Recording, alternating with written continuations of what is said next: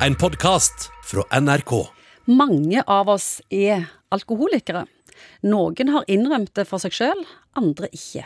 Hos noen har alkoholen tatt over hele livet, mens veldig mange andre er såkalte mestrende alkoholikere. De takler både jobb, familie og det som er ved siden, men lurer kanskje på om de skulle ha søkt hjelp likevel, men ikke helt tør. Og Munkvik, hender det folk kommer til deg med alkoholproblemer og spør? Det er ekstremt sjeldent at det er merkelappen på bestillingen som pasienten kommer med. Hvorfor tror du det er sånn? Det har jo med at det du innleder med, at den vanskeligste kanskje å innrømme alkoholproblemet overfor, er, er deg sjøl. Altså, du, du, du, vet jo at du kanskje drikker litt, og kanskje burde kanskje drikke litt mindre, men du tenker ikke at det er et problem, fordi at du går ikke på flatfylla. Du får ikke et eller annet akutt intoksikeringsproblem. Du er ikke sånn at du føler at du eh, på en måte er alkoholiker og må drikke hele veien, men du tenker jeg drikker kanskje mer enn snittet.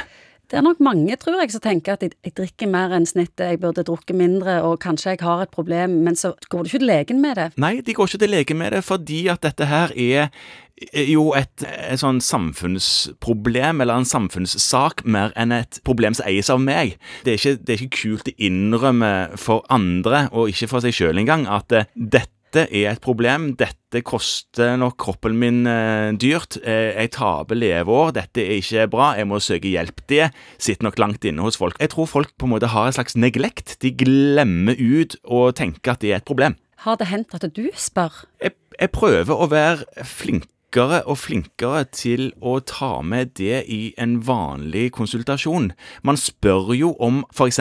antall seksualpartnere. Det er relativt tabubelagt.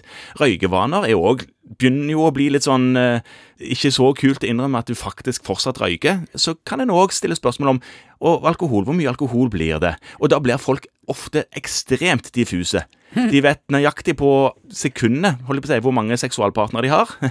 Men ikke og, hvor mange enheter. Nei, enheter er, altså enheter er en veldig diffust begrep. Jeg tror noen tenker at det du klarer å få oppi et vinglass, er en enhet rødvin, f.eks.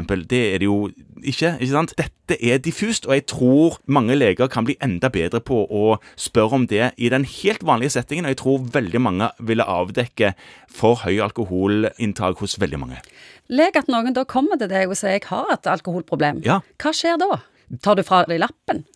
ja, det er jo en av de tingene som jeg tror en del er litt engstelige for. At nå, hvis jeg forteller om hvor mye jeg drikker, så ryker førerkortet mitt. Og det gjør det jo vanligvis ikke, da, ved mindre du er bussjåfør eller kjører semitrailer som veier 200 tonn. Men det som skjer, er jo at man må sette av tid til å virkelig gå inn i det som blir lagt fram som en sak som åpenbart har kosta å annonsere så tydelig at det er et problem. Da må en spørre hvorfor er det et problem, på hvilken måte farger dette her livet ditt, hva er det du, hva har du hatt for tap pga.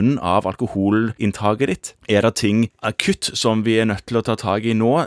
Er det et kronisk problem, eller er det et sånn akutt drikkeproblem som gjør at det, nå må vi bare liksom avruse? Settes det i gang et system, eller kan pasienten være med og bestemme sjøl? Vanligvis så er den alliansen fastlegen har med den enkelte pasient, gullet. Så her er det et samarbeid mellom pasient og fastlege i å klare å navigere i kloke valg omkring egen alkoholatferd. Så du trenger ikke nødvendigvis starte det her tolvskrittsprogrammet som du ser på filmer, som virker litt rart? Nei, nei, nei du, trenger, du, trenger, ikke det i det hele tatt. Det er ikke alltid man trenger noe program i det hele tatt. Det viktigste og første skrittet er å erkjenne overfor seg sjøl og for fastlegen sin at det er et problem her, og de fleste vil nok føle en lettelse på å ha løfta det fram hvis du har et problem, så er det jo sånn at du lurer jo egentlig bare deg sjøl, fordi at det er veldig mange sykdommer hvor alkohol har en relasjon inn. Sånn at her er det mye god helse å vinne på å få bukt med overforbruket sitt. Du har hørt en podkast fra NRK. Hør flere podkaster og din favorittkanal i appen NRK Radio.